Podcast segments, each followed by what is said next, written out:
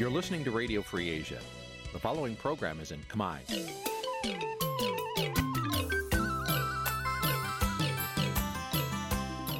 នេះជាកម្មវិធីផ្សាយ Vuthu Azizi Serai នេះជាកម្មវិធីផ្សាយរបស់ Vuthu Azizi Serai ជាភាសាខ្មែរ Vuthu Azizi Serai សូមស្វាគមន៍លោកអ្នកនាងទាំងអស់ពីរដ្ឋធានី Washington នៃសហរដ្ឋអាមេរិកពីរដ្ឋធានី Washington នាងខ្ញុំសុជីវីសូមជម្រាបសួរលោកអ្នកនាងអ្នកស្ដាប់ Vuthu Azizi Serai ទាំងអស់ជាទីមេត្រីយើងខ្ញុំសូមជូនកម្មវិធីផ្សាយសម្រាប់ព្រឹកថ្ងៃសុក្រ4កើតខែកដិកឆ្នាំថោះបัญចស័កពុរសករាជ2567ចាដែលត្រូវនឹងថ្ងៃទី1ខែធ្នូគ្រិស្តសករាជ2023ជាដំបូងនេះសូមអញ្ជើញលោកអ្នកនាង ស្ដាប់ព័ត៌មានប្រចាំថ្ងៃដែលមានមេត្តាដូចតទៅ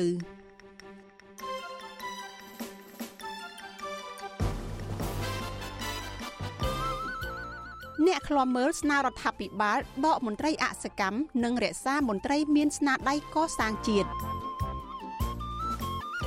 អ្នកវិភាគថាលោកហ៊ុនម៉ាណែតប្រើនយោបាយចាស់គំរិលមិនខុសពីឪពុករបស់លោក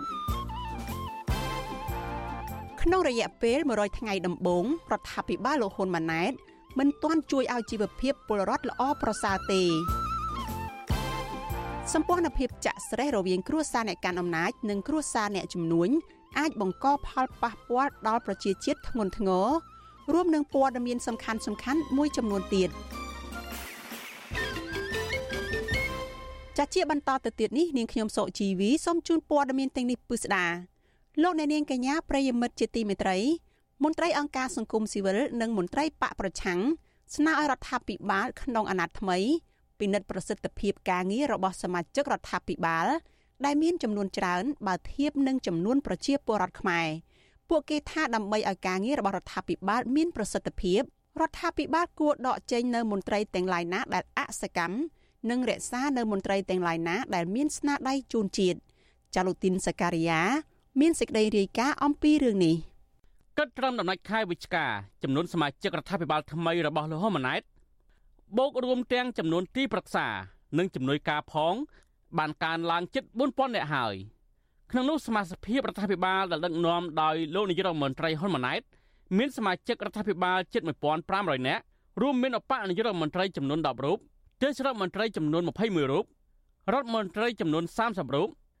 រដ្ឋលេខាធិការនិងអនុរដ្ឋលេខាធិការចំនួនជាង1400នាក់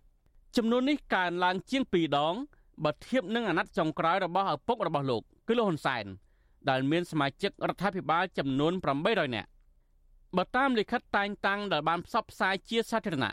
ចំនួនទីប្រឹក្សានិងជំនួយការមានជិត2500នាក់ដោយសារតែចំនួនមន្ត្រីកើនឡើងនេះ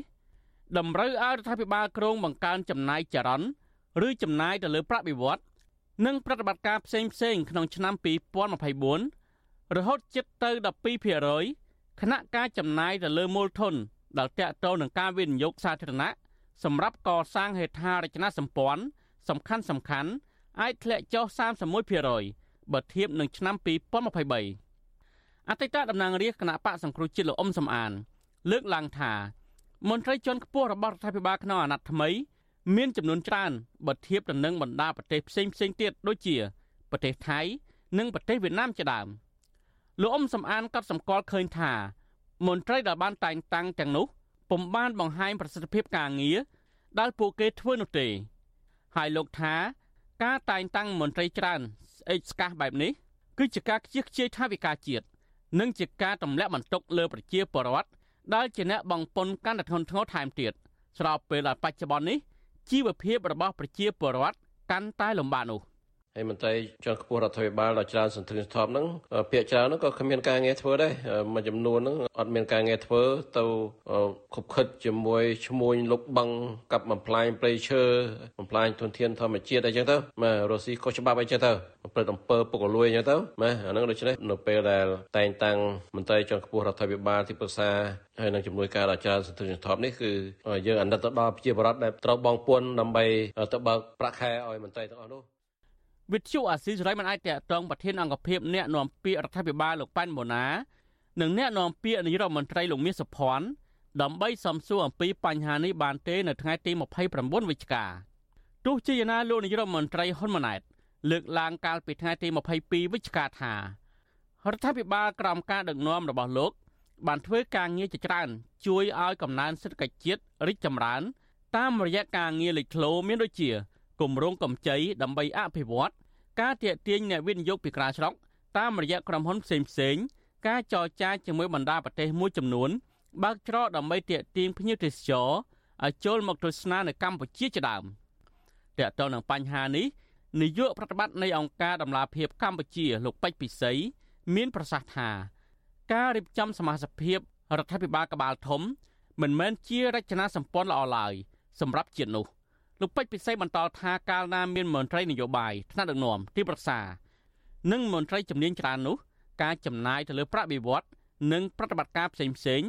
ដែលជំរុញលើការដឹកនាំរដ្ឋក៏ច្រើនដែលធ្វើឲ្យប៉ះពាល់ដល់ការវិនិយោគសាធារណៈ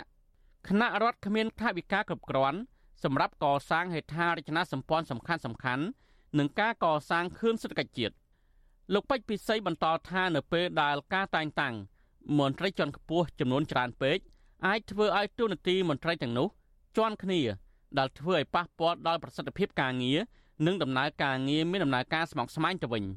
ហើយមែនតែនទៅយើងអាចពិនិត្យមើលលើប្រសិទ្ធភាពនៃការអនុវត្តការងារពួកគាត់បាទបើសិនជាមន្ត្រីដែលសកម្មមន្ត្រីដែលមានសមត្ថភាពធ្វើការយើង គួរតែទុកពួកគាត់ឲ្យធ្វើកិច្ចការសំខាន់សំខាន់សម្រាប់ ជាតិហ្នឹងប៉ុន្តែបើមន្ត្រីដែលស្អុយដែលមិនបំពេញភារកិច្ចឬក៏ការប្រើប្រាស់ទូនាទីដើម្បីធ្វើតែកិច្ចការផ្សេងដែលដែលនាំឲ្យមានដំណោះផលប្រយោជន៍យើងគួរកាត់បន្ថយចាប់តាំងពីឆ្នាំ2017រដ្ឋាភិបាលបានដំឡើងប្រាក់ខែនាយករដ្ឋមន្ត្រីឡើងដល់10លានរៀលប្រាក់ខែរដ្ឋមន្ត្រីឬទេសរដ្ឋមន្ត្រីឡើងដល់4លាន5សែនរៀលប្រាក់ខែរដ្ឋលេខាធិការឡើងដល់3លាន5សែនរៀលប្រាក់ខែអនុរដ្ឋលេខាធិការ ឡើងដល់2លាន8សែនរៀលការតែងតាំងមន្ត្រីទាំងអស់នោះក៏រងនឹងការរិះគន់ថាអាចជាប់ពាក់ព័ន្ធនឹងអំពើពុករលួយនិងការជាប់សាច់ឈាមគ្នាជាប្រព័ន្ធវិទ្យុអាស៊ីសេរីរកឃើញថា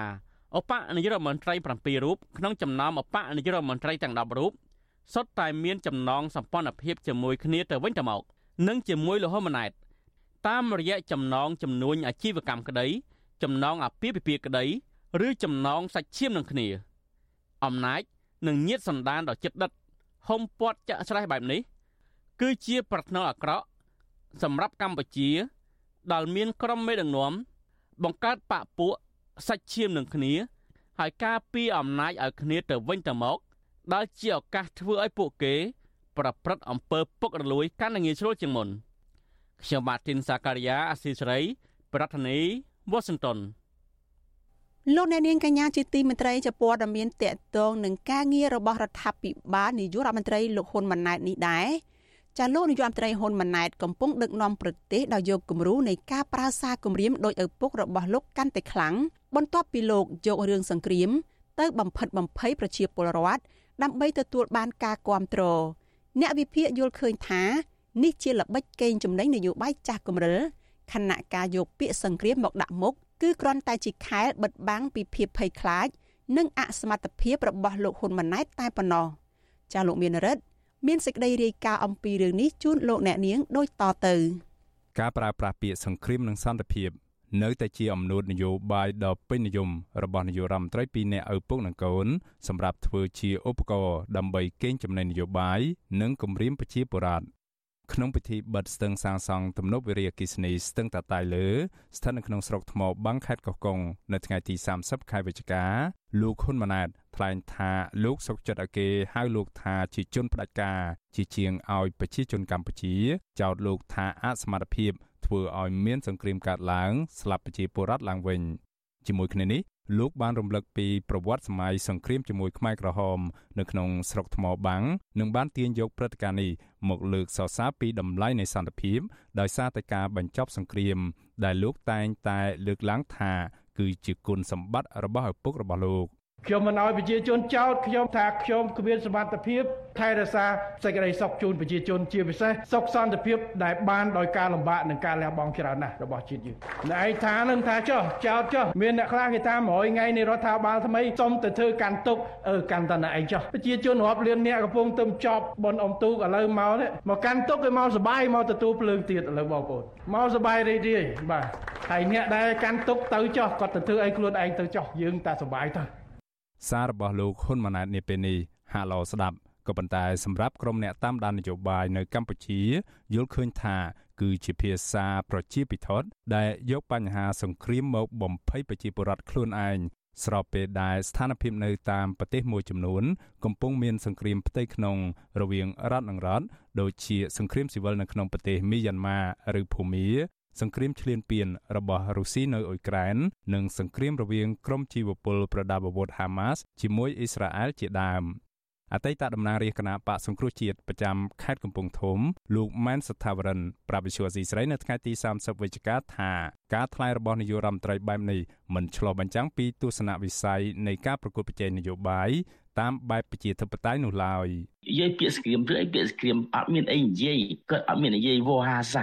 វោហាសាតាមឪពុក100ថ្ងៃតើគាត់បានធ្វើអីខ្លះជួយប្រជាពលរដ្ឋ100ថ្ងៃហើយគាត់ធ្វើអីខ្លះបានឥឡូវនេះតើប្រជាពលរដ្ឋមានការងារធ្វើមានចំណូលទុកគ្រាន់ហើយអាចមកធនាគារបានអត់ហើយមានមានបញ្ហាអីតើប្រជាពលរដ្ឋមានអីរីកចម្រើនឥឡូវមានបានអីជួយប្រជាពលរដ្ឋខ្លះសិនចង់សួរប៉ុណ្្នឹងឯងបាទហើយកុំនិយាយគាត់ដោះស្រាយអត់មានដោះស្រាយបញ្ហាប្រជាពលរដ្ឋបានហើយគាត់និយាយរឿងទៅអឺខ្លាចស្គ្រាមខ្លាចស្គ្រាមប្រាស្គៀនដោយសារគាត់អសមត្ថភាពក្នុងការដឹកនាំប្រទេសបាទ នេះមិនមែនជាលើកទី1ទេដែលលោកហ៊ុនម៉ាណែតយកសង្គ្រាមមកធ្វើជាដើមទុននយោបាយដើម្បីគំរាមប្រជាពលរដ្ឋតាមគន្លងរបស់ឪពុករបស់លោកដែរបន្ទាប់ពីឡើងកាន់អំណាចអស់រយៈពេល100ថ្ងៃកន្លងមកនេះ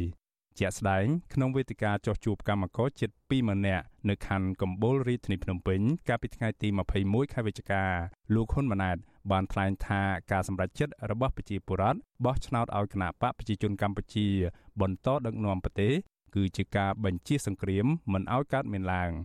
ជុំវិញរឿងនេះអ្នកសិក្សាកិច្ចការសង្គមនិងនយោបាយលោកប៉ៅមករា យល់ឃើញថាលោកនាយរដ្ឋមន្ត្រីហ៊ុនម៉ាណែតមិនគួរលើកយករឿងសង្គ្រាមមកថ្លែងនៅលើវេទិកាសាធារណៈដោយផ្សារភ្ជាប់ជាមួយនឹងនយោបាយនោះឡើយព្រោះការលើកឡើងបែបនេះជាការដាក់សម្ពាធនយោបាយទៅលើប្រជាពលរដ្ឋដែលបណ្ដាលឲ្យពួកគាត់មានជំងឺខ្លាចរអារឿងនយោបាយនិងលែងហ៊ានចូលរួមនៅក្នុងកិច្ចការសង្គមបន្តទៀតបើសិនតែមានគណៈបកប្រឆាំងណាមួយអាចមានសម្លេងគ្រប់គ្រងពីពលរដ្ឋតាមរយៈការបោះឆ្នោតដោយសេរីនិងយុត្តិធម៌ត្រឹមត្រូវក្នុងកម្ពុជាហ្នឹងខ្ញុំគិតថាដូចជាគ្មានសង្គ្រាមណាកើតឡើងព្រោះភាគីគណៈបកប្រឆាំងក្តីភាគី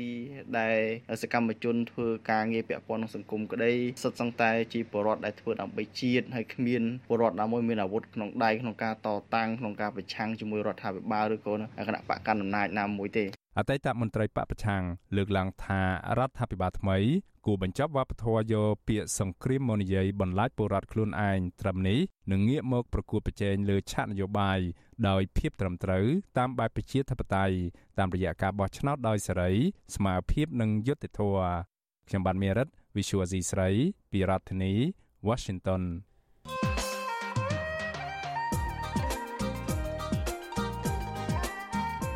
លោកអ្នកនាងកញ្ញាជាទីមេត្រី លោកសំរងស៊ីមេបកប្រឆាំង និងជាអតីតរដ្ឋមន្ត្រីក្រសួងសេដ្ឋកិច្ចនិងហិរញ្ញវត្ថុព្យាករថាកម្ពុជាក្រោមការដឹកនាំរបស់លោកហ៊ុនម៉ាណែត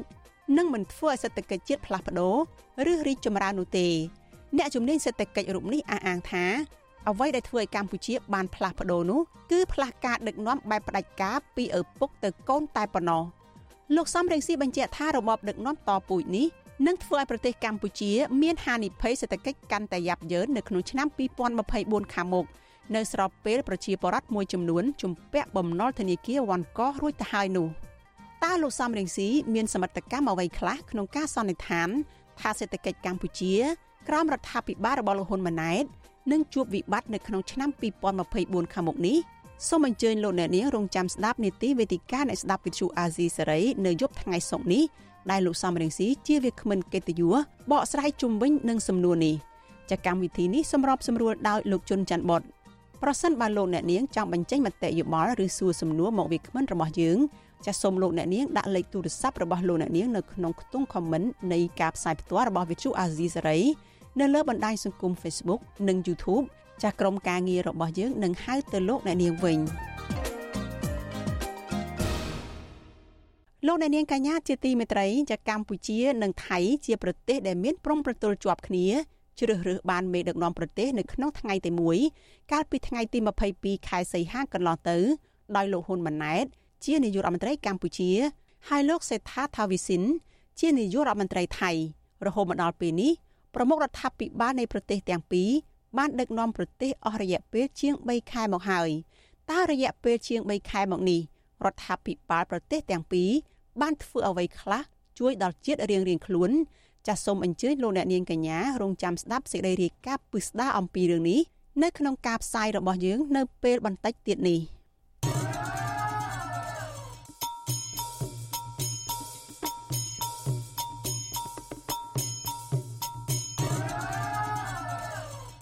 លោកអ្នកនាងប្រិយមិត្តអ្នកស្ដាប់ជាទីមេត្រីព័ត៌មានជាបន្តទៅទៀតនេះចាគឺតេអន្តងទៅនឹងការផ្អាករោងចក្រអគិសនីដុតដោយធ្យូងថ្មមន្ត្រីអង្គការសង្គមស៊ីវិលនិងសកម្មជនបរិស្ថានថាជារឿងល្អដែលកម្ពុជាបញ្ឈប់ការអភិវឌ្ឍរោងចក្រផលិតអគិសនីដុតដោយធ្យូងថ្មហើយងាកមកអនុវត្តគម្រោងផលិតអគិសនីដុតអ៊ូស្មန်ធម្មជាតិពួកគេថាគម្រោងថ្មីនេះរួមចំណែកទប់ស្កាត់បញ្ហាបំរែបំរួលអាកាសធាតុចាលោកលេងម៉ាលី មានសេចក្តីរាយការណ៍អំពីរឿងនេះមន្ត្រីសង្គមស៊ីវិលនិងអ្នកការពារបរិស្ថានសង្កេតឃើញថាការបញ្ឈប់រោងចក្រផលិតអគ្គិសនីដុតធ្យូងថ្មរបស់រដ្ឋាភិបាលគឺជារឿងត្រឹមត្រូវដោយសារតែកន្លងទៅការអនុវត្តគម្រោងមួយនេះបានបង្កផលប៉ះពាល់ធ្ងន់ធ្ងរដល់បរិស្ថាន និងសង្គមច្រើនជាងផលចំណេញការលើកឡើងរបស់មន្ត្រីសង្គមស៊ីវិលនិងសកម្មជនបរិស្ថាននេះ គឺបន្ទាប់ពីនាយករដ្ឋមន្ត្រីហ៊ុនម៉ាណែតថ្លែងនៅក្នុងពិធីបិទការសាងសង់ទំនប់វារីអគ្គិសនីស្ទឹងតាតៃលើស្ថិតក្នុងស្រុកថ្មបាំងខេត្តកោះកុងនៅថ្ងៃទី30ខែវិច្ឆិកាលោកនាយករដ្ឋមន្ត្រីហ៊ុនម៉ាណែតថ្លែងនៅក្នុងកម្មវិធីបិទការសាងសង់ទំនប់វារីអគ្គិសនីស្ទឹងតាតៃលើខេត្តកោះកុងថាការបញ្ឈប់រោងចក្រផលិតអគ្គិសនីដុតធ្យូងថ្មគឺដើម្បីងាកមកអនុវត្តគម្រោងផលិតអគ្គិសនីដុតអូស្មန်តាមបែបធម្មជាតិដែលអាចទប់ស្កាត់ការសាយភាយអូស្មန်កាបូន គឺបញ្ឈប់ការអភិវឌ្ឍរោងចក្រផលិតអគ្គិសនីដុតធ្យូងថ្មនិងពិនិត្យលទ្ធភាពដាក់ឲ្យរោងចក្រផលិតអគ្គិសនីដុតធ្យូងថ្មដែលមានស្រាប់បញ្ឈប់ដំណើរការបូនកំណត់នៅកម្ពុជានេះជាគោលដៅក្រុមហ៊ុន Royal Group របស់លោកគិតមេងទទួលបានសិទ្ធិអភិវឌ្ឍរោងចក្រអគ្គិសនីដុតធ្យូងថ្មដែលអាចផលិតថាមពលបាន700មេហ្គាវ៉ាត់នៅក្នុងស្រុកបទុមសាគរខេត្តកោះកុងកាលពីថ្ងៃទី7ខែកុម្ភៈឆ្នាំ2020 ទំហំវិនិយោគសរុបនៅក្នុងគម្រោងនេះគឺជាង1300លានដុល្លារអាមេរិកក្នុងនោះទុនផ្ទាល់របស់ក្រុមហ៊ុនមាន30%និងកម្ចីពីធនាគារមាន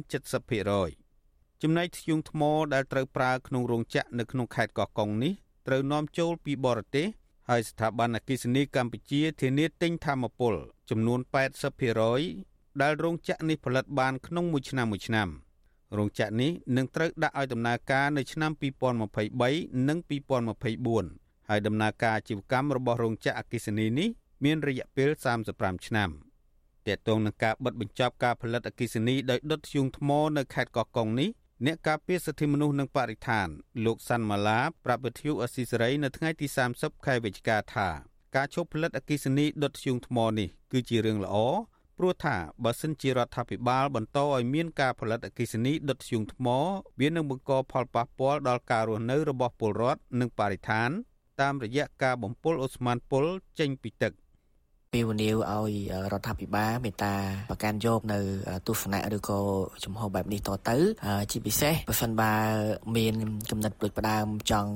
បង្កើនឬក៏បង្កើតប្រភពអគិសនីសម្រាប់អភិវឌ្ឍប្រទេសរដ្ឋាភិបាលគួរតែសិក្សាជាមួយអ្នកជំនាញថ្មិចយើងអាចផលិតប្រភពធម្មពលស្អាតដែលមិនបង្កផលជះមកលើបរិស្ថានក៏ដូចជាប្រជាជន មន្ត្រីសង្គមស៊ីវិលលើកឡើងថាការបញ្ឈប់រោងចក្រផលិតអគិសនីដុតធ្យូងថ្មនៅខេត្តកោះកុងនេះជារឿងប្រសើរក៏ប៉ុន្តែរដ្ឋាភិបាលក៏គួរតែបញ្ឈប់គម្រោងបែបនេះនៅទូទាំងប្រទេស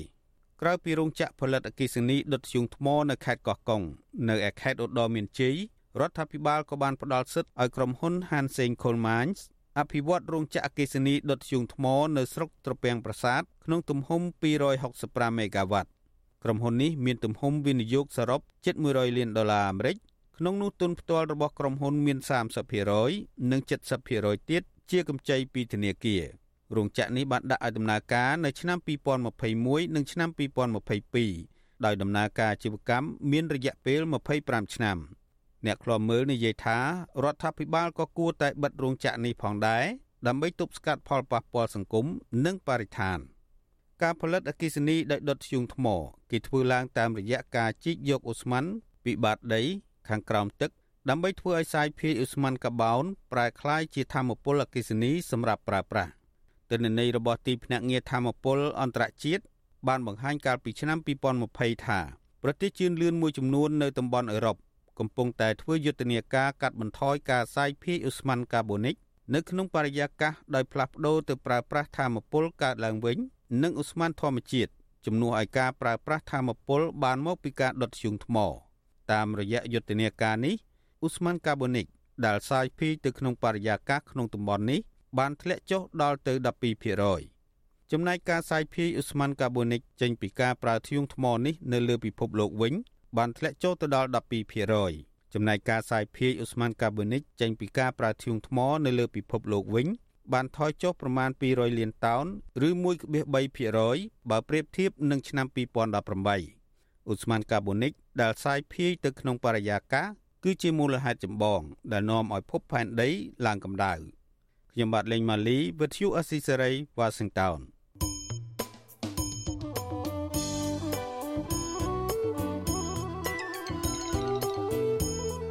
លោកអ្នកនាងជាទីមេត្រី ដំណើរគ្នានឹងស្ដាប់ការផ្សាយផ្ទាល់របស់វិទ្យុអាស៊ីសេរី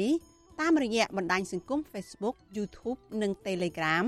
ចាលោកនាងក៏អាចស្ដាប់ការផ្សាយរបស់វិទ្យុអាស៊ីសេរីតាមរយៈវិទ្យុរលកធាតុអាកាសខ្លី Post SW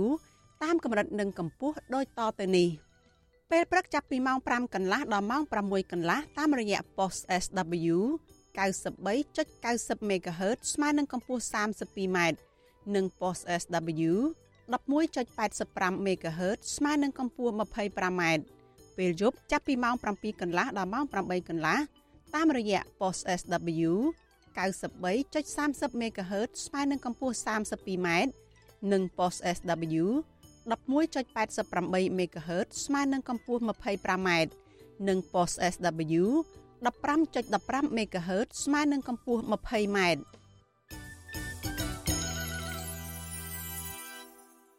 លោកអ្នកនាងកំពុងស្ដាប់វិទ្យុអាស៊ីសេរីផ្សាយចេញពីរដ្ឋធានី Washington សហរដ្ឋអាមេរិកក្នុងពេលប្រជាជនកំពុងមានវិបត្តិសេដ្ឋកិច្ចក្រមមន្ត្រីកម្ពុជាកម្ពុជាបែជាកំពុងសម្ញែងការរៀបចំពិធីមង្គលការកូនចៅរបស់ពួកគេដោយចំណាយលុយរាប់សិបម៉ឺនដុល្លារក្រុមអ្នករិះគន់ព្រួយបារម្ភថាការចងសម្ព័ន្ធភាពគ្នាចាក់ស្រេះរវាងគ្រួសារអ្នកកាន់អំណាចនយោបាយនិងគ្រួសារអ្នកជំនួញ ដូចជាពិធីរៀបការរវាងកូនប្រុសរដ្ឋមន្ត្រីក្រសួងសេដ្ឋកិច្ចនិងហិរញ្ញវត្ថុលោកអូនពាន់មនីរតនិងចៅស្រីរបស់អុកញ៉ាឡៅមេងខិនព្រមទាំងពិធីរៀបការចៅចំនួន3នាក់របស់អតីតរដ្ឋមន្ត្រីក្រសួងដែនដីលោកជាសភារាជាមួយគ្រួសារអ្នកជំនួញនិងគ្រួសារអ្នកកាន់អំណាចផ្សេងទៀតដែលនឹងនាំឲ្យមានទំនាស់ផលប្រយោជន៍ធ្ងន់ធ្ងរនៅក្នុងប្រទេសចាលោកនាងនឹងបានស្ដាប់សេចក្តីរាយការណ៍ពឹស្ដារអំពីរឿងនេះនៅពេលបន្តិចទៀតនេះ។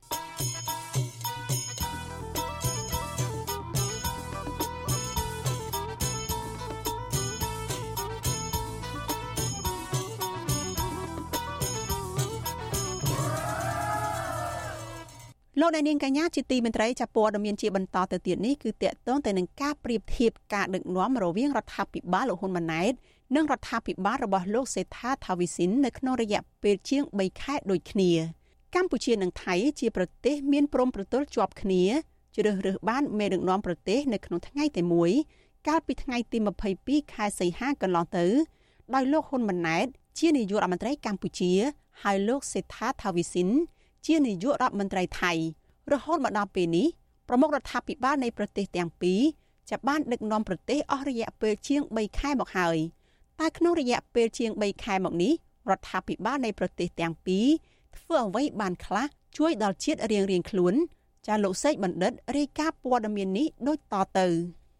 ក្នុងរយៈពេល3ខែមកនេះរដ្ឋាភិបាលរបស់លោកហ៊ុនម៉ាណែតហាក់មិនទាន់ជំរុញឲ្យមានកំណើនសេដ្ឋកិច្ច ដែលធ្វើឲ្យជីវភាពប្រជាពលរដ្ឋប្រសើរឡើងនៅឡើយទេបើទោះបីជាលោកបានចេញទៅក្រៅប្រទេសជិត10ដងមកហើយក៏ដោយនៅពេលលោកចេញទៅក្រៅប្រទេសម្ដងម្ដងភាគច្រើនលោកតែងតែមានទំនាក់ទំនងជាមួយនឹងក្រុមប្រទេសកុម្មុយនីសដូចជាប្រទេសចិនជាដើមដោយពុំសូវសហការជាមួយនឹងប្រទេសលោកសេរី ដែលមានសេដ្ឋកិច្ចជឿនលឿននោះទេក្រោយពេលលោកត្រឡប់មកវិញតែងតែមានមោទនភាព ថាលោកបានជួបពិភាក្សាជាមួយនឹងក្រុមអ្នកវិនិយោគបរទេសនិងបានអូសទាញពួកគេឲ្យមកបណ្ដាក់ទុននៅកម្ពុជាដែរក៏ប៉ុន្តែមិនដែលឃើញរដ្ឋាភិបាលក្រុងភ្នំពេញបញ្ចេញតួលេខចំនួនទឹកប្រាក់ដែលអ្នកវិនិយោគមកធ្វើអាជីវកម្មនៅកម្ពុជាម្ដងណាឡើយចំពោះការងារលេចធ្លោរបស់រដ្ឋាភិបាលលោកហ៊ុនម៉ាណែតដែលពលរដ្ឋចាប់អារម្មណ៍ខ្លាំងក្នុងរយៈពេលប្រមាណ1ខែដំបូងក្រោយលោកឡើងកាន់តំណែងរដ្ឋាភិបាលនេះ បានបង្កើនការទារពន្ធពីពលរដ្ឋរហូតដល់អតីតនាយករដ្ឋមន្ត្រីហ៊ុនសែនចេញមកអន្តរាគមន៍លើរឿងនេះបញ្ហាពន្ធដារហេតុអីបានទៅជាផ្ទុះយើងដូចជាមិនតាន់បានធ្វើអីទេប៉ុន្តែយើងបែរជានិយាយច្រើនឥឡូវនេះបញ្ហាវាដូចជាផ្ទុះហើយបង្កើតឡើងនៅពាក្យតខំបោះឆ្នោតឲ្យមកខំមកដែងណែបង្កើនពន្ធដារឯណា ឯនោះទៅវិញយើងបញ្ញាប់និយាយពេកទេដឹងមើលសុំពិនិត្យឡើងវិញការងារលេចធ្លោមួយទៀតរបស់នាយករដ្ឋមន្ត្រីហ៊ុនម៉ាណែតដោយភាកច្រើនចំណាយពេលវេលាទៅលើការងារចុះជួបកម្មករមន្ត្រីរាជការសម្ពោធសំណងអាគារថ្មីថ្មីដែលបន្សល់ទុកពីឪពុករបស់លោក ជាញឹកញាប់ដូចជាប្រលានយន្តហោះថ្មី ស្ពាន និងផ្លូវថ្នល់ជាដើមបន្ថែមពីលើនេះ នៅពេលមានពិធីសំណេះសំណាលក្នុងវេទិកាសាធារណៈទាំងនោះលោកហ៊ុនម៉ាណែតមិនដែលសួរសុខទុក្ខពីការរស់នៅរបស់កម្មករប្រជាពលរដ្ឋនិងមន្ត្រីរាជការនោះទេ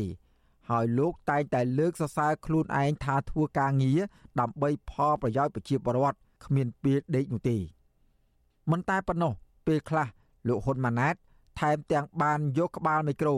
និយាយឌឺដងទៅលើក្រុមអ្នកមាននិន្នាការនយោបាយខុសពីរដ្ឋាភិបាលថាពួកគេមានគំនិតអវិជ្ជមានទៅលើរដ្ឋាភិបាលរបស់លោកអ្នកឯងចោទខ្ញុំតាខ្ញុំគឺដើម្បីបាក់ពួកខ្ញុំអ្នកមានលុយអ្នកមានអំណាចប៉ុន្តែខ្ញុំប្រាប់អ្នកឯងមើលចង្អៀតចង្អល់ហើយហើយទស្សនៈចង្អៀតចង្អល់បែបអស់លោកនឹងហើយបានបាក់របស់អស់លោកមិនដែលឈ្នះនោះ ប្រធានផ្នែកប្រឆាំងការជួញដូរមនុស្សនិងទេសន្តប្រវេសនៃអង្គការសង្ត្រាល់និងជាអ្នកតាមដានស្ថានភាពសង្គមកម្ពុជានិងថៃលោកឌីទេហូយ៉ាយល់ឃើញថា ការចំណាយពេលវេលាបែបនេះ ជាការខ្ជះខ្ជាយពេលមិនសូវមានផលប្រយោជន៍ទៅដល់សង្គមជាតិឡើយ។ ក្នុងកលៈទេសៈនេះវាមិនមែនជាពេលវេលាដែលទៅចុះស្ដាប់បញ្ហាអីទៀតទេវាជាពេលវេលាមួយអនុវត្តគោលនយោបាយឲ្យបានប្រសើរឧទាហរណ៍បើប្រជាពលរដ្ឋលោកប្រឈមអំពីវិបត្តិបំណុលថាតើគោលនយោបាយរបស់រដ្ឋដោះស្រាយវិបត្តិបំណុលបែបណាបើប្រជាពលរដ្ឋជួបបញ្ហានៃការអត់ការងារធ្វើតើរដ្ឋធ្វើផែនការយ៉ាងណាដឹកនាំប្រទេសជាតិណាដើម្បីឲ្យប្រជាពលរដ្ឋមានការងារធ្វើបើប្រជាពលរដ្ឋចំណាក់ស្រុកច្រើនពេកទៅបានចាញ់បោកគេថាមានគោលនយោបាយយ៉ាងណាដើម្បីការពារទប់ស្កាត់បង្ការជួយសង្គ្រោះឲ្យបុគ្គលនឹងរស់នៅប្រកបដោយសេចក្តីថ្លៃថ្នូរសមរម្យយតានេះគឺជាចំណុចមួយដែលត្រូវគិតងាកមកមើលការដឹកនាំរបស់នាយករដ្ឋមន្ត្រីថៃវិញម្ដងនាយករដ្ឋមន្ត្រីថៃលោកសេដ្ឋាថាវិសិនកំរយកពេលវេលា ទៅចុះជួបកម្មករមន្ត្រីរាជការនិងសម្ពោធសំណងអគារថ្មីថ្មីនោះណាស់លោកសេដ្ឋាថាវិសិនភាកច្រើនយកពេលវេលា តាមដានការងារដែលបានដាក់ឲ្យរដ្ឋមន្ត្រីអនុវត្តនិងតែងតែទទួលយកការរិះគន់និងសំណើរបស់ប្រជាពលរដ្ឋយកមកដោះស្រាយ។ សារព័ត៌មាន Bena News របស់ថៃចុះផ្សាយថារដ្ឋាភិបាលថៃក្រោមការដឹកនាំរបស់លោកសេដ្ឋាថាវិសិនបានបញ្ចេញថវិកាជាតិជិត1000លានដុល្លារសងបំណុលធនាគារជំនួសឲ្យកសិករដើម្បីឲ្យធនាគារផ្អាកយកការប្រាក់ពីពលរដ្ឋរយៈពេល3ឆ្នាំបន្ថែមពីលើនេះរដ្ឋាភិបាលថៃក៏បានបញ្ចុះតម្លៃអគិសនីតម្លៃប្រេងសាំងនិងបានអនុម័តគម្រោងចែកប្រាក់ ប្រមាណ300ដុល្លារក្នុងម្នាក់ដល់ពលរដ្ឋថៃដែរហើយគម្រោងនេះនឹងចាប់អនុវត្តនៅខែកុម្ភៈឆ្នាំ2024ខាងមុខលើសពីនេះទៀតរដ្ឋាភិបាលថៃ បានលើកលែងទឹកថាការដល់អ្នកទេសចរមកពីប្រទេសមួយចំនួន ដើម្បីតាក់ទាញឲ្យអ្នកទេសចរមកកំសាន្តនៅក្នុងប្រទេសថៃឲ្យបានកាន់តែច្រើនដើម្បីជំរុញដល់កំណើនសេដ្ឋកិច្ចនេះបើតាមការចុះផ្សាយរបស់សារព័ត៌មានថៃឈ្មោះ Work Point Today ងាកមកមើលការងារនៅក្រៅប្រទេសវិញម្ដងនាយករដ្ឋមន្ត្រីថៃបានធ្វើដំណើរចេញទៅក្រៅប្រទេសប្រមាណ5លើកដោយក្នុងមួយលើកមួយលើក លោកតែងតែជួបអ្នកវិនិយោគនិងបានអូសទាញពួកគេឲ្យមកបណ្ដាក់ទុននៅក្នុងប្រទេសថៃទៀតផងសារព័ត៌មាន Voice TV របស់ថៃចុះផ្សាយថា រហូតមកដល់ពេលនេះយ៉ាងហោចណាស់មានក្រុមហ៊ុនយក្សរបស់អាមេរិកចំនួន3គឺក្រុមហ៊ុន Global Microsoft និងក្រុមហ៊ុន Amazon Web Service ទៅបណ្ដាក់ទុននៅក្នុងប្រទេសថៃក្នុងនោះក្រុមហ៊ុន Global Microsoft បានចុះហត្ថលេខាវិនិយោគជាមួយនឹងរដ្ឋាភិបាលថៃ ដែលមានទឹកប្រាក់ប្រមាណ6000លានដុល្លាររួចរាល់ហើយកន្លងមកនាយករដ្ឋមន្ត្រីថៃលោកសេដ្ឋាថាវិសិនបានថ្លែងនៅចំពោះមុខប្រជាពលរដ្ឋថៃ និងអ្នកវិនិយោគទុនថៃ ថាភារកិច្ចរបស់រដ្ឋាភិបាលរបស់លោក នៅមានច្រើនទៀតណាស់ដែលត្រូវធ្វើបន្ត ហើយរដ្ឋមន្ត្រីគ្រប់រូបបានយល់ច្បាស់ពីការងាររបស់ខ្លួនដែលត្រូវធ្វើលោកបញ្ជាក់ថានយោបាយរបស់រដ្ឋាភិបាលថ្មីនេះមានភាពច្បាស់លាស់ពលគឺធ្វើការដើម្បីជួយដល់កសិករថៃដូច្នេះលោកចេញទៅក្រៅប្រទេសតាក់ទាញអ្នកវិនិយោគទុនឲ្យមកទិញទំនិញរបស់កសិករเหตุผลหนึ่งที่เกษตรกรรายได้ไม่ไม่เติบโตเพราะเราไม่มีการเปิดการค้าในประเทศហេតុផលមួយចំនួនដែលកសិករយើងមិនរីកចម្រើន ពីព្រោះយើងមិនបើកឱកាសឲ្យធ្វើអាជីវកម្មរវាងប្រទេសជាមួយប្រទេសផ្សេងផ្សេងមិនមានការជជែកពិភាក្សាគ្នាអ្នកខ្លះនិយាយថាខ្ញុំជានាយរដ្ឋមន្ត្រីអ្នកលក់ដូរក៏និយាយក្នុងន័យបង្អាប់ខ្ញុំទទួលស្គាល់ថាខ្ញុំជាអ្នកលក់ដូរខ្ញុំទៅលក់ទំនិញឲ្យបរដ្ឋថៃผมยอมรับครับผมเป็นเซลแมนครับผมต้องไปขายสินค้าให้คนไทยครับជុំវិញរឿងនេះមន្ត្រីសង្គមស៊ីវិលលោកដេថើហូយ៉ាមើលឃើញថានាយករដ្ឋមន្ត្រីថៃ ជាមេដឹកនាំប្រទេសដ៏ល្អកម្ររកបានព្រោះលោកមានជំនាញផ្នែកសេដ្ឋកិច្ចនិងមានគោលនយោបាយច្បាស់លាស់និងចេះយកចិត្តទុកដាក់ពីសុខទុក្ខរបស់ប្រជាពលរដ្ឋលោកជឿជាក់ថាមេដឹកនាំបែបនេះនឹងធ្វើឲ្យប្រទេសថៃមានការរីកចម្រើនឆាប់រហ័សហើយពលរដ្ឋរស់នៅប្រកបដោយភាពសុខសាន្ត។ ភាពទទួលខុសត្រូវក្នុងនាមជាអ្នកដឹកនាំរដ្ឋគឺដឹកនាំដើម្បីឲ្យរដ្ឋរីកចម្រើនប្រជាពលរដ្ឋមានការងារធ្វើមានប្រាក់ចំណូលសេដ្ឋកិច្ចជាតិសេដ្ឋកិច្ចមូលដ្ឋានសេដ្ឋកិច្ចគ្រួសាររបស់ប្រជាជាតិគេនឹងឲ្យប្រសើរឡើងអាហ្នឹងការគិតរបស់គេយើងឃើញថាវាមានភាពខុសគ្នាបែបហ្នឹងអាភាពខុសគ្នាទាំងអស់នេះมันបាច់ខ្ញុំនិយាយខ្ញុំគិតថាមហាជនក៏លោកអាចប្រៀបធៀបនិងពិចារណាមើលឃើញច្បាស់អំពីភាពខុសគ្នារវាងរដ្ឋាភិបាលបង្កើតថ្មីដូចគ្នាឬកម្ពុជាហើយនិងថៃ មន្ត្រីសង្គមស៊ីវិលលើកឡើងថា ដើម្បីដឹកនាំប្រទេសឲ្យរីកចម្រើន និងពលរដ្ឋរស់នៅប្រកបដោយភាពសុខសាន្តទៅបានមេដឹកនាំគួរតែប្រកាន់យកគោលការណ៍ដឹកនាំបែបនីតិរដ្ឋពលគឺត្រូវអនុវត្តច្បាប់ឲ្យបានស្មើភាពគ្នា និងមិនបង្កើតច្បាប់ដើម្បីធ្វើទុកបុកម្នេញភាគីណាមួយទី2រដ្ឋាភិបាលត្រូវបើកឲ្យមានការចូលរួមពីគ្រប់ភាគី ទាំងគណៈបកប្រឆាំងអង្គការសង្គមស៊ីវិលនិងអ្នកជំនាញផ្សេងផ្សេង និងស្ដាប់មតិយោបល់របស់ពួកគេទី3រដ្ឋាភិបាលត្រូវបង្កបរិយាកាសនយោបាយឲ្យបានប្រសើរឡើង ដោយមានការគោរពសិទ្ធិពលរដ្ឋនិងមានយុត្តិធម៌សង្គមហើយរដ្ឋាភិបាលត្រូវចេះតាក់ទាញអ្នកវិនិយោគឲ្យចូលមកបណ្ដាក់ទុននៅក្នុងប្រទេសឲ្យបានច្រើន ដើម្បីបង្កើតប្រាក់ចំណូលរបស់រដ្ឋខ្ញុំបាទសេកបណ្ឌិតវិទ្យុអាស៊ីសេរីពីរដ្ឋធានីវ៉ាស៊ីនតោន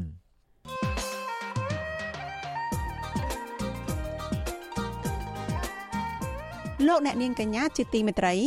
លោកសំរងស៊ីមេបកប្រឆាំងនិងជាអតីតរដ្ឋមន្ត្រីក្រសួងសេដ្ឋកិច្ចនិងហិរញ្ញវត្ថុព្យាករថា កម្ពុជាក្រោមការដឹកនាំរបស់លោកហ៊ុនម៉ាណែតនឹងមិនធ្វើឲ្យសេដ្ឋកិច្ចជាតិផ្លាស់ប្ដូរឬរីកចម្រើននោះទេ អ្នកជំនាញសេដ្ឋកិច្ចរូបនេះអះអាងថាអ្វីដែលធ្វើឲ្យកម្ពុជាបានផ្លាស់ប្ដូរនោះគឺផ្លាស់ការដឹកនាំបែបផ្ដាច់ការពីឪពុកទៅកូនតែប៉ុណ្ណោះលោកសំរងស៊ីបញ្ជាក់ថារបបដឹកនាំតពូជនេះ នឹងធ្វើឲ្យប្រទេសកម្ពុជាមានហានិភ័យសេដ្ឋកិច្ចកាន់តែយ៉ាប់យ៉ឺននៅក្នុងឆ្នាំ2024ខាងមុខនៅស្របពេលប្រជាពលរដ្ឋមួយចំនួនជំពាក់បំណុលធនាគារវ៉ាន់កោរួចទៅហើយនោះតើលោកសំរងស៊ីមានសមត្ថកម្មអ្វីខ្លះក្នុងការសន្និដ្ឋានថាសេដ្ឋកិច្ចកម្ពុជាក្រោមរដ្ឋាភិបាលរបស់លោកហ៊ុនម៉ាណែតនឹងជួបវិបត្តិនៅក្នុងឆ្នាំ2024ខាងមុខនេះ